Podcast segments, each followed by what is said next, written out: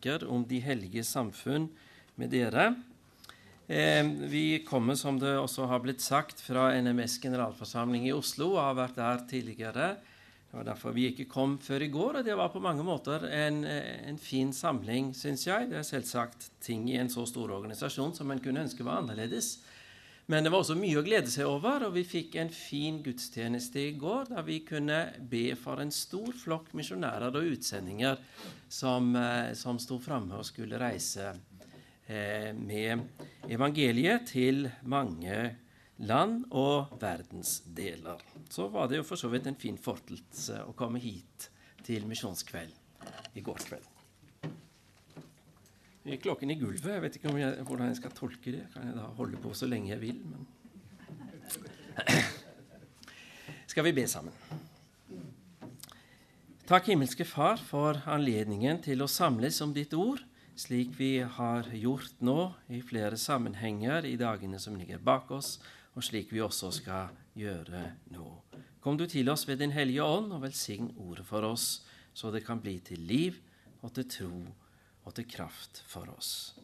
Det ber vi om i Jesu navn. Amen.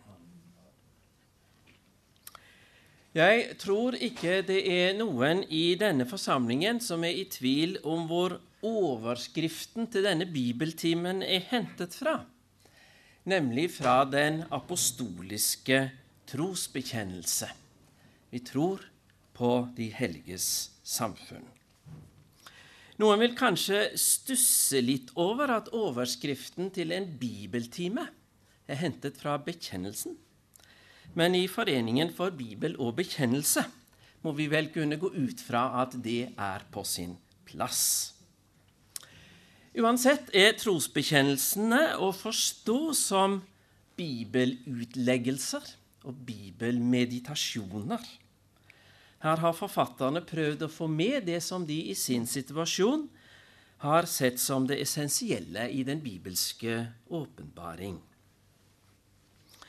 Og ettersom den apostoliske trosbekjennelse har en brukshistorie som er nesten like lang som Kirkens historie, i hvert fall hvis vi tar med litt tidligere varianter, så kan vi jo gå ut fra at generasjoner av kristne faktisk har synes det forsøket på å sammenfatte Bibelen i denne teksten det har de syntes har vært ganske vellykket.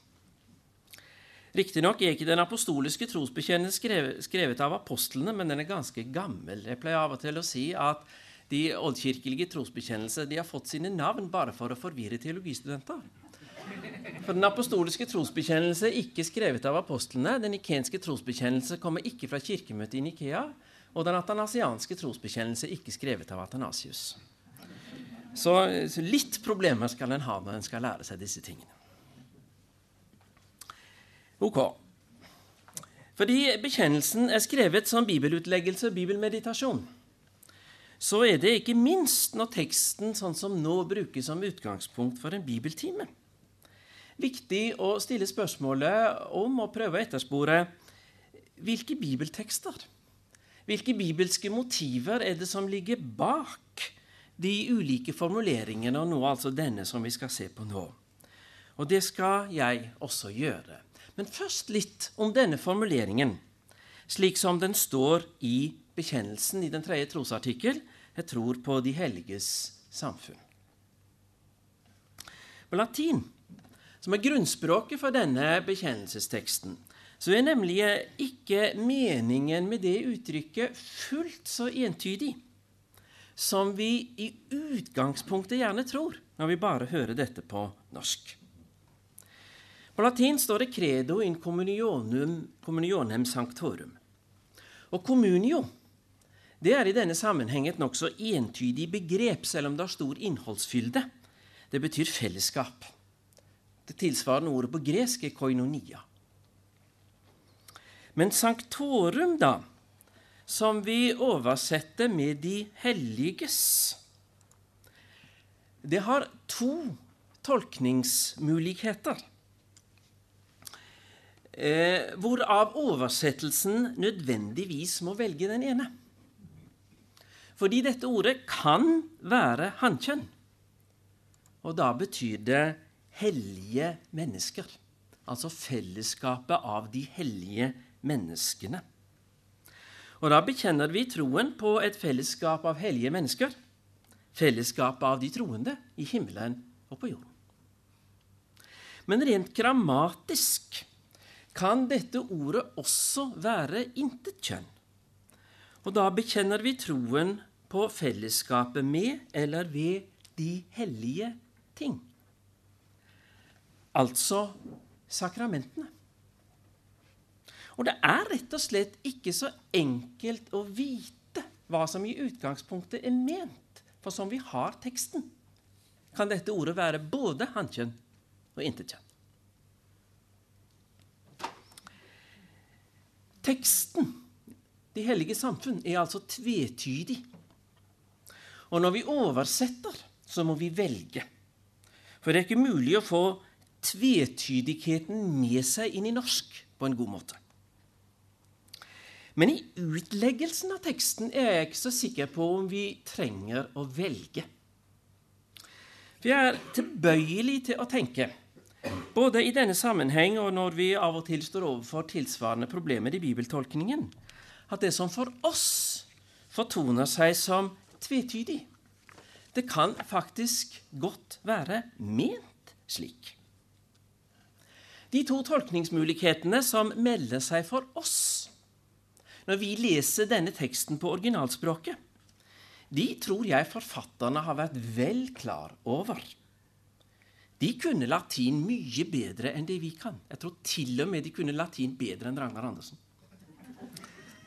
Og når de likevel har latt det stå, og ikke skrevet om i retning av den ene eller den andre fortolkningen, så er det fordi de har ment at den tvetydigheten kan godt stå der, den. Fordi den har et poeng.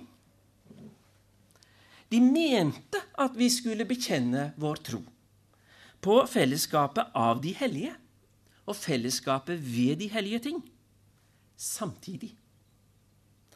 Fordi disse to ting hører saklig sett sammen. Fellesskapet av de hellige, det blir til ved, og det opprettholdes gjennom fellesskapet ved de hellige ting. Og som vi snart skal se, slik er det faktisk også i Det nye testamentet. Derfor så har vi gode grunner til å anta at fellesskapet av de hellige og fellesskapet gjennom sakramentene det er faktisk to sider av samme sak.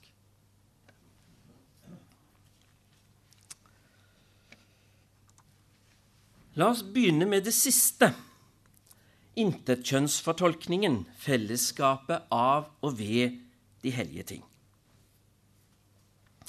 Hvis vi så begynner å lete litt rundt omkring i Det nye testamentet etter en tekst som kan tenkes å utgjøre bakgrunnen for denne måten å lese trosbekjennelsen på, så tror jeg vi kommer ganske fort til første Korinterbrev, kapittel 10 hvor Paulus sier om Herrens måltid i vers 16.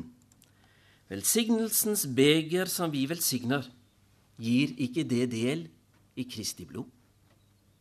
Brødet som vi bryter, gir ikke det del i Kristi kropp?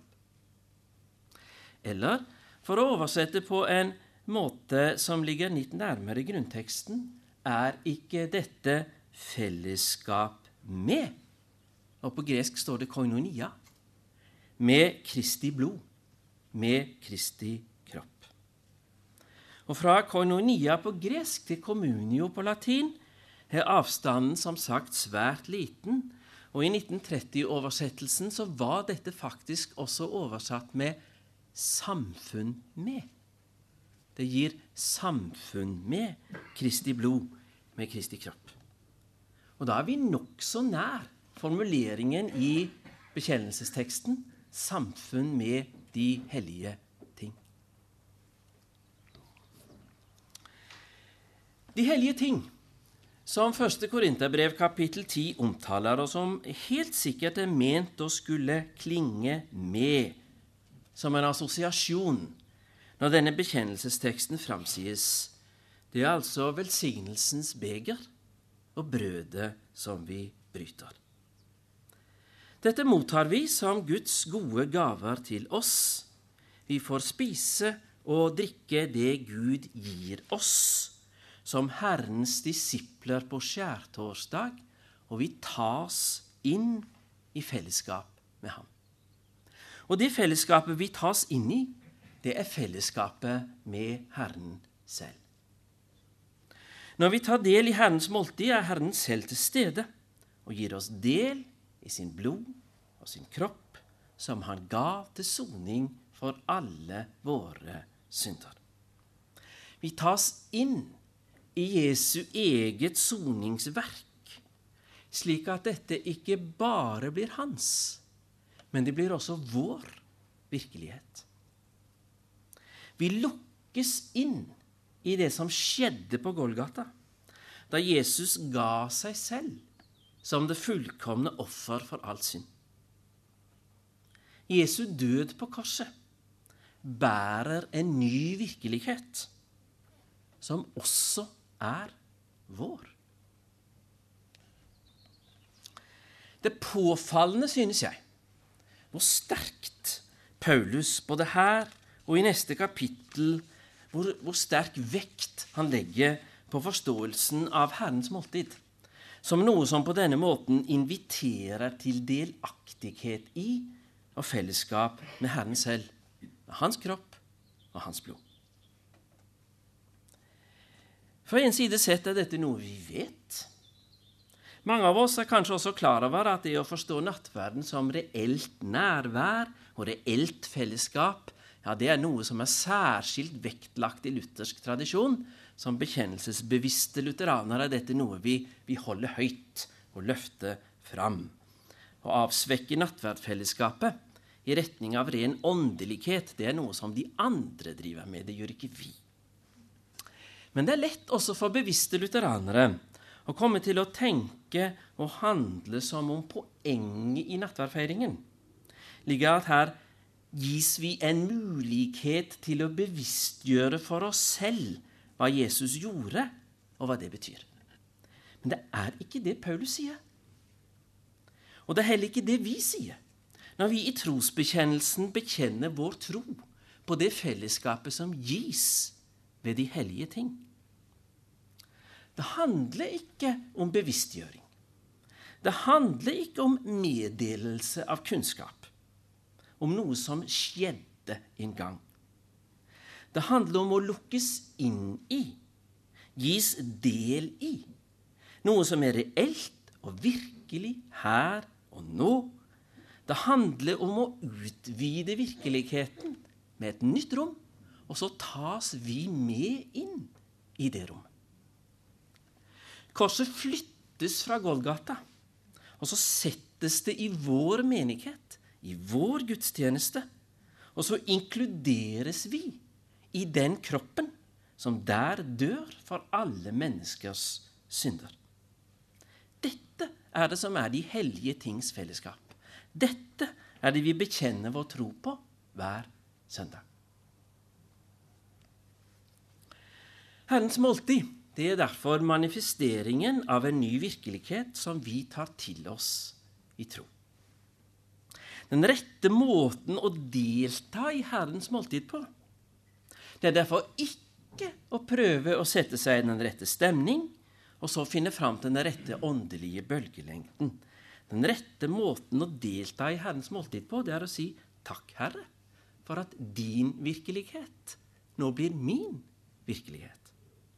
Takk for at du på denne måten lar din vilje skje som i himmelen, så og på jorden, her hos oss. Den som deltar på denne måten, lukkes inn i en grensesprengende virkelighetsutvidelse.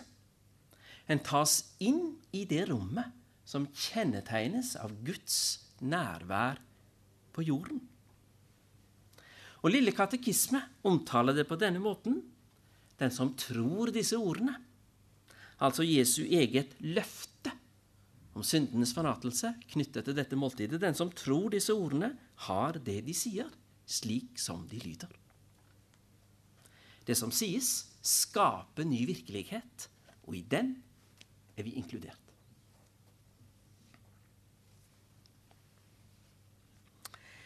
Men enda er vi ikke kommet lenger enn til å bekjenne vår tro på fellesskapet av og ved de hellige ting.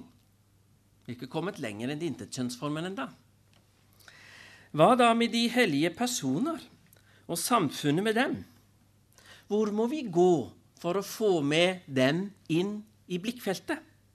Ja, vi trenger ikke gå så veldig langt. Det er faktisk tilstrekkelig at vi leser videre til det neste verset i 1. Korinterbrev kapittel 10 til vers 17, hvor det står Fordi det er ett brød, er vi alle én kropp. For vi har alle del i det ene brød. Det er selvsagt personer som ved de hellige ting inkluderes i det nye fellesskapet. Samfunnet av de hellige ting blir til samfunnet av de hellige personer.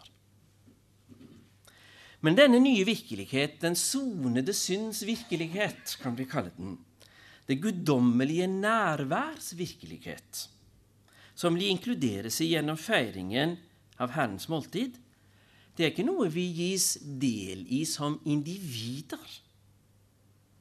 Det er noe vi gis del i som fellesskap. For vi har alle del i det samme. Og de som har del i det samme, de er ett. Dette skjer ved at vi spiser sammen. Det skjer når vi tar del i det samme måltidet. Det er ikke noe som er spesielt for den kristne menighet. Måltid, det skaper fellesskap i de fleste sammenhenger og i de fleste kulturer. Og Derfor kan det i mange sammenhenger være viktig å spise sammen. Og det kan faktisk av og til være noe nesten rituelt, også utenfor kirken og den liturgiske sammenheng, over de måltidene vi deler med hverandre i familien, blant venner, i ulike organisasjoner og lag. Tenk f.eks. på familiemåltidet på julaften. En rituell manifestering av familiefellesskapet som må gjøres på sånn og sånn og sånn, og ikke sånn. Ikke sant? Vi spiser sammen og markerer på den måten at vi er ett fordi vi har del i det samme. Det samme måltid, det samme fellesskap. På denne måten, og på samme måten er et brudd med bordfellesskapet, det å ikke kunne spise sammen, det er et brudd med fellesskapet, rett og slett. Og den som vil vite mer om det, kan lese Galaterbrevet kapittel 2, for der står det ganske mye om betydningen av å spise sammen, eller å ikke spise sammen. Men dette er allment og universelt. Det spesielle med det kristne fellesskap er derfor ikke i og for seg måltidsfellesskapet, men hva vi gis del i gjennom dette måltidet, og hvilke konsekvenser som trekkes av det. Vi gis del i Kristi kropp. Vi gjøres til en del av Kristi kropp og den virkelighet han realiserer. Med det impliseres vi i de prinsipper Kristus lever etter. Også retningslinjene for hans liv blir våre retningslinjer. Men ikke bare som idealer og prinsipper. De blir også våre som en ny, men like fullt reell virkelighet. For Det nye testamentet handler ikke om idealer. Den kristne tro handler ikke om å sette seg høye mål og så prøve å realisere de så godt en kan. Det nye testamentet handler om virkelighet. Om en ny og grensesprengende virkelighet som vi inkluderes i, som vi tas inn i, og som eh, gjøres til vår fellesskap. Som individer, men primært som fellesskap. Det kommer ganske tydelig fram i den måten Paulus uttrykker seg når det gjelder fellesskapet av de troende som Kristi kropp. De som spiser av det ene brød, de er nå Kristi nærvær i verden. Det er derfor fellesskapet ved de hellige ting og fellesskapet ved de hellige personer hører så nøye sammen. Dette fellesskapet gis som gave, ikke som drøm, ikke som ideal, ikke engang som håp, men som ny virkelighet. Også Jesus var opptatt av dette fellesskapet. Det fellesskap som alle troende har med hverandre i kraft av sitt fellesskap med den samme Herre. Hans bilder og lignelser om dette fellesskapet er stort sett hentet fra jordbruk og natur. Jeg er vintreet, dere er grenene, dere er saueflokken, jeg er hyrden. Men også Jesus bruker måltidsfellesskapet som et bilde på bordfellesskapet i Guds rike, f.eks. i lignelsen Matteus 22. Men hos Paulus får bildet av menighetsfellesskapet som kropp eller legeme det får en ny plass og en ny betydning. Forankret i menighetens nattverdfeiring får tanken om menigheten som Kristi kropp det får en ny selvstendighet. Det begynner så å si å leve sitt eget liv. Og sammenhengen med måltidsfellesskapet med Herren ofte fungerer som et usagt fundament. Det er nesten som om Paulus på denne måten foregriper oversettelsen vår av den apostoliske trosbekjennelse, men også fellesskapet av de troende har en tendens til å leve sitt eget liv frigjort fra de nådemidler som, som konstituerer og bærer det, men hvor disse to ting likevel alltid må tenkes sammen for at det som sies, skal ha mening. Tydeligst er dette i Efeserbrevet. Efeserbrevet kapittel 1 det er av de, et av de mest perspektivrike og grensesprengende kapitler i Det nye testamentet, hvor vi tas fra mysteriet, den evige utvelgelse, i vers 4, til det kristne fellesskapet, slik dette fins i Kirken her og nå, i vers 22. Men hør så hvordan Kirken her omtales i vers 23 den er Kristi kropp, fylt av Ham, som fyller alt i alle. Paulus sier faktisk det. Det er så dristig sagt at jeg, jeg sier av og til det til studentene ved både denne og andre tekster i Det nye testamentet. Dette er så dristig sagt at hadde det ikke stått i det apostoliske ord, så hadde jeg aldri turt å gjenta det. Men det står slik. Dere er, Kirken er Kristi kropp fylt av Ham som fyller alt i alle. Her er altså perspektivet fra 1. Korinterbrev 10,17. Fellesskapet med Kristus og med hverandre som gis ved at vi deler det ene brødet. Det er utvidet så langt som det overhodet er mulig å utvide det. Eh, Kristus fyller alt, sier Paulus her. Og han mener det så omfattende som han sier det. Alt i hele verden. Kristus som Guds sønn og selv Gud er overalt, og derfor er vi alltid hos.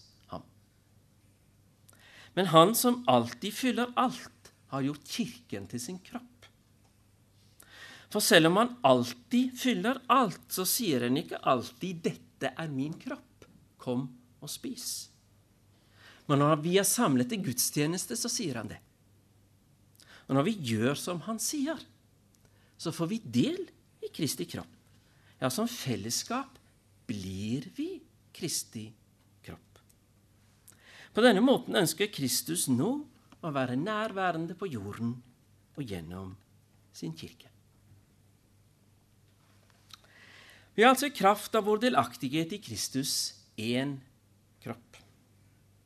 Og en viktig konsekvens som trekkes av dette i Det nye testamentet, er nettopp enhetstanken. Som én kropp er de troendes fellesskap, eller de helges samfunn, en enhet. Dette har vi også utfoldet i Efeserbrevet, kapittel 4, som ved siden av Jesu ypperste prestlige bønn Johannes 17 er en av de helt sentrale tekstene i Det nye testamentet om Kirkens enhet. Sett alt inn på å bevare Åndens enhet. i den fred som binder sammen én kropp, én ånd, slik dere fikk ett håp da dere ble kalt, én Herre, én tro, én dåp, én Gud og alles Far. Han som er over alle og gjennom alle og i alle. Her er perspektivet litt annerledes enn i kapittel 1. Av de enhetsskapende sakramentene er det her dåpen som er uttrykkelig nevnt, selv om måltidet nok også er forutsatt i det som sies om den ene kropp. Og Guds allestedsnærvær her er knyttet til Faderen og ikke til Sønnen. Men kroppens enhet er fastholdt også her som det sentrale poenget. Og Det er jo også en naturlig tanke i denne sammenhengen. En kropp som ikke er enhetlig, og de ulike lemmene ikke fungerer sammen.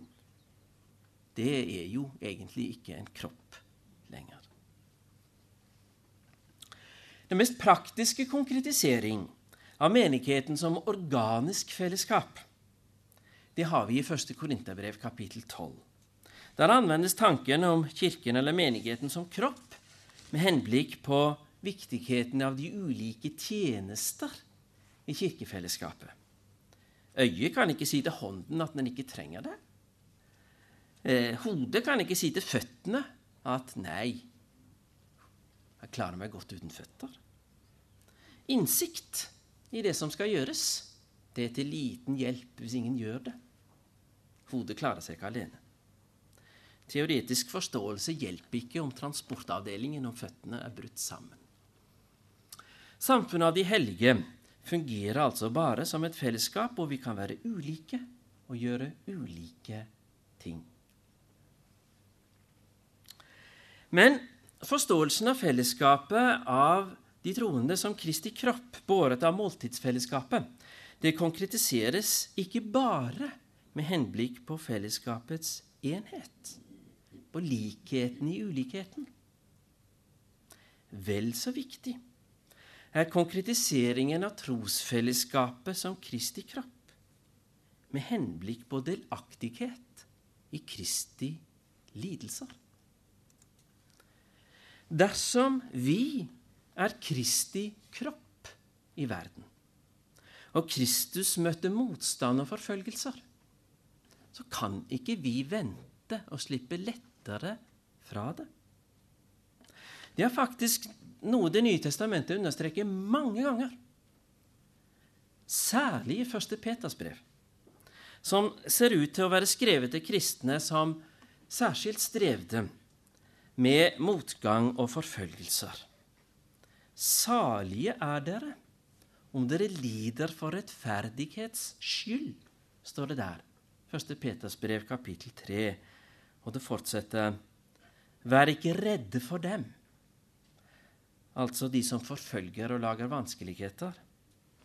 Og la dere ikke skremme, men hold Kristus hellig, som Herre i hjertet.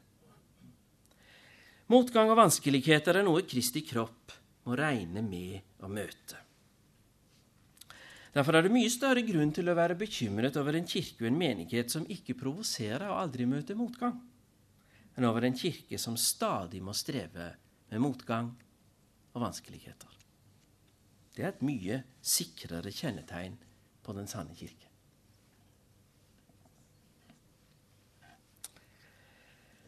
Ja, ja, er det kanskje noen som tenker nå.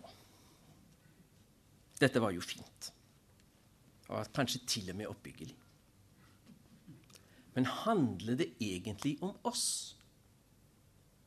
Nå har vi hørt om fellesskapet av de hellige som har del i Kristi kropp, som lever som Jesus, som holder trofast sammen i lære og liv, også når dette fellesskapet møter motstand og forfølgelse. Men vår kirke og de fellesskapene vi kjenner, de er jo ikke slik. Der er det læremessige uklarheter. Der er det strid og uenighet. Og når vi møter motstand, så bøyer vi ofte av. Så vekst gjennom forfølgelse og motgang, det blir det visst helst lite av. Så dette nytestamentlige bildet av trosfellesskapet som Kristi kropp, som har del både i hans kraft og i hans lidelser Ja, det er flott. Men handler det om oss? Det er veldig nærliggende å spørre sånn. Og jeg tror vi har stilt oss selv det spørsmålet mange ganger. Men når vi spør slik, så kan det være fordi det er en viktig ting vi har glemt. For dette uttrykket, som er et tema og utgangspunkt her, De hellige samfunn Hva slags tekst er det det står i? Står det i en avisartikkel som beskriver hvordan det er i Kirken? Står det i en konsulentrapport framstilt av forskere som har reist rundt og intervjuet folk om hva de synes om kirken sin? Eller står det kanskje i et arbeidsprogram som i vel gjennomtenkte punkter beskriver hvordan vi skal legge opp arbeidet i menighetene våre? Nei, det gjør ikke det. Det står i en trosbekjennelse. Og trosbekjennelser ser alltid på verden på en bestemt måte. Trosbekjennelser ser på verden med troens blikk. Og når troens fundament er rett, så er det troens blikk ser, alltid sant. Også når det ser ganske mye som andre måter å se på farer fort forbi, eller beskrive på helt andre måter måter. Troens blikk ser fellesskapet med Herren selv i et enkelt måltid med brød og vin som er båret av Herrens eget løfte. Det ser Herrens eget nærvær i en enkel gudstjeneste der evangeliet om frelse av nåde forkynnes. Det ser til og med de helliges samfunn i en forsamling som kun består av syndere.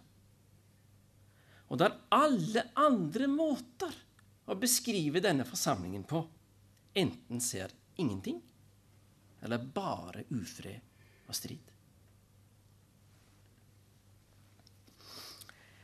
Den nytestamentlige beskrivelsen av de troendes forsamling, eller trosbekjennelsens omtale av de hellige samfunn, det er altså ikke noe som blir til virkelighet først når vi får det til.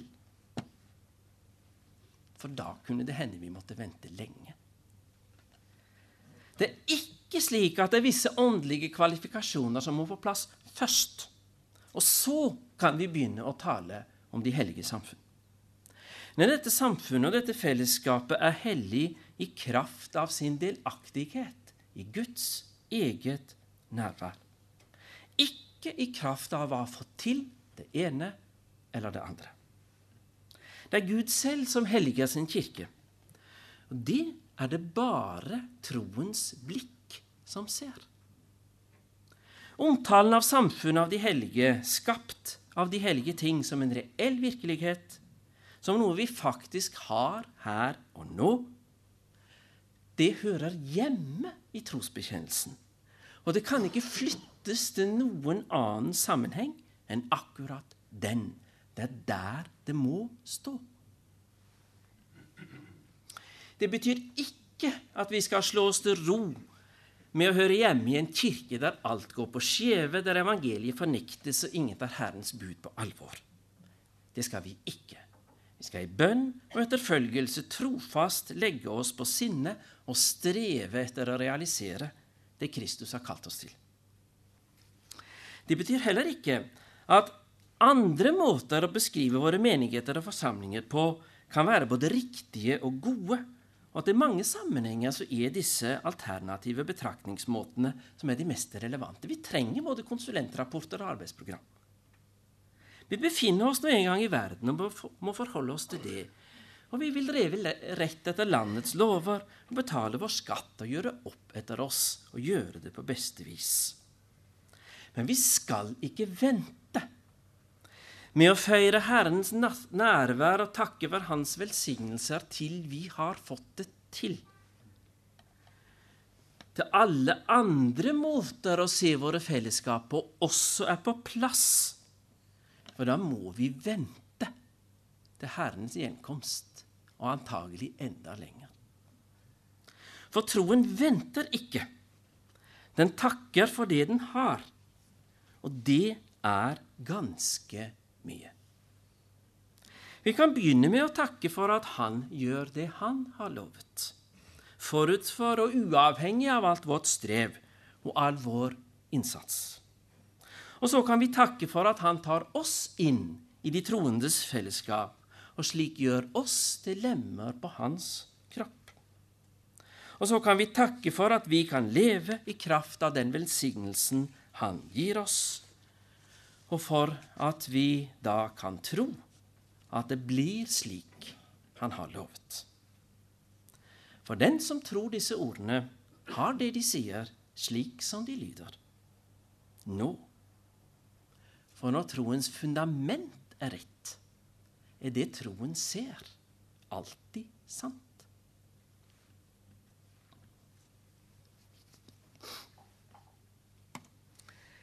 Jeg begynte denne bibeltimen med å ta fram et substantiv i trosbekjennelsen. Fellesskapet, samfunn, kommunio.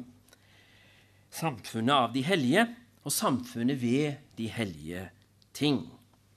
Samtidig som mesteparten av denne bibeltimen de har gått med til å få fram det poeng at disse to betydningene egentlig refererer til ett og det samme. Nå skal jeg gå mot slutten av bibeltimen, men jeg skal før jeg lander helt, ta fram også et verb, nemlig verbet å tro, og se på hvordan det er brukt i trosbekjennelsen. For det er brukt på en ganske enkel måte. Det står i presens indikativ. Og presens indikativ i grammatikken de har én bestemt funksjon, det er en form som forteller oss om hvordan noe er nå. Og det sier oss noe viktig om troen, som jeg alltid har prøvd å antyde litt med det jeg har sagt her. Tro er alltid nåtid. Tro handler om tillitsfull takknemlighet til Guds nærvær hos oss nå. Det er vantroen som sier at Gud, han var her, men nå har han gått igjen. Eller at han er her ikke nå, men kanskje han kommer en gang. Det er vantroens måte å tale om Gud på. Tro er alltid rettet mot nåtiden. Det er alltid takk for Guds nådige nærvær hos oss, her og nå. Den som tror disse ordene, har det de sier, slik som de lyder. Alle verbene i den setningen er i presens indikativ. Og de kan ikke stå i noen annen form. Og Slik er det også om vi leser katekismen på grunnspråkene på tysk og latin. Men troens nåtidsform det er samtidig en nåtidsform som sprenger tid og rom. Den tar oss inn i Guds nærvær på en måte som åpner for nye dimensjoner i flere retninger. Ikke minst i forhold til de troendes fellesskap er det tydelig. For de troendes fellesskap omfatter for det første alle generasjoner av troende som har vært. Vi står sammen med dem. Vi bekjenner den samme tro. Vi kan ta lærdom og oppmuntring av deres kamp og seier. Vi har en sky av vitner omkring oss, som det står i Hebrebrevet kapittel 12. For det andre omfatter de troendes fellesskap de generasjoner av troende som skal komme. Og for dem har vi først og fremst det ansvar at vi skal bringe troens skatter videre til de som kommer etter oss, uten at noe blir borte på veien. Jeg har flere ganger lest i denne bibeltimen fra Paulus brev til menigheten i Korint. Første brevet, og Det brevet har noe viktig å si også om dette. For Paulus forteller til korinterne i begynnelsen av kapittel 15 i første korinterbrev at det viktigste var ham. Det var å bringe videre til dem det han selv hadde fått. Og kan det sies også om oss? Ja, da har vi utført vår tjeneste med troskap. Men troens nåtidsform er ikke bare åpen bakover og framover. Den er også åpen oppover. For gjennom vår tro og vår lovprisning av det guddommelige nærvær har vi også fellesskap med dem som allerede nå står for Guds trone og priser ham for hans nåde og makt. Det er ikke så ofte de bibelske forfatterne tar oss med inn i den himmelske gudstjeneste, men det hender. Og det interessante er at da skildres også det som noe som skjer nå. Tenk på Jesaja, som antagelig var på gudstjeneste i tempelet i Jerusalem. Plutselig veggene og taket forsvant. Han så seg selv stående foran Guds trone i himmelen. Det må ha vært noe til gudstjeneste.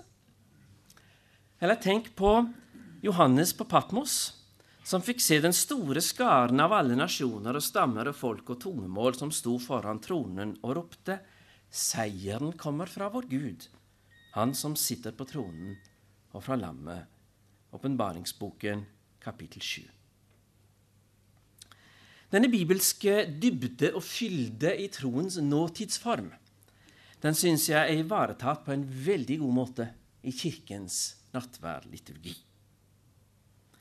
I innledningen til nattverden så takker vi først for himmelske Far for det Han har gjort for oss gjennom sin Sønn. Og så fortsetter presten. Ved ham, altså ved Kristus, lovsynger englene din herlighet. Og Da er vi tilbake hos Isaiah kapittel 6. Og din menighet i himmelen, åpenbaringen kapittel 7, og på jorden. Vi, hele den verdensvide kirke i dag, vi priser ditt navn med samstemmig jubel. Med dem vil også vi forene våre røster og tilbedende synge, og så synger og priser vi Gud med ord hentet fra Jesaja 6, Hellig, hellig, hellig er Herren Sebaot, og fra inntoget i Jerusalem fra palmesøndag. Velsignet være Han som kommer i Herrens navn. For nå kommer Han til oss, og nå er det oss Han tar inn i de helliges samfunn.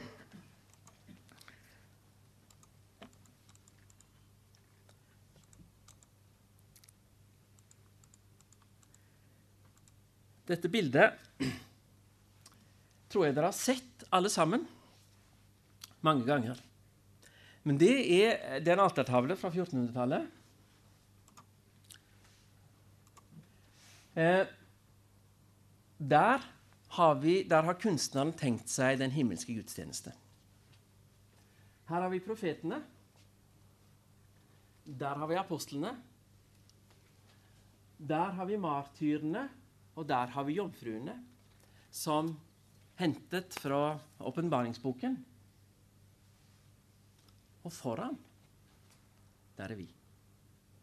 Sammen om tilbedelsen for Guds trone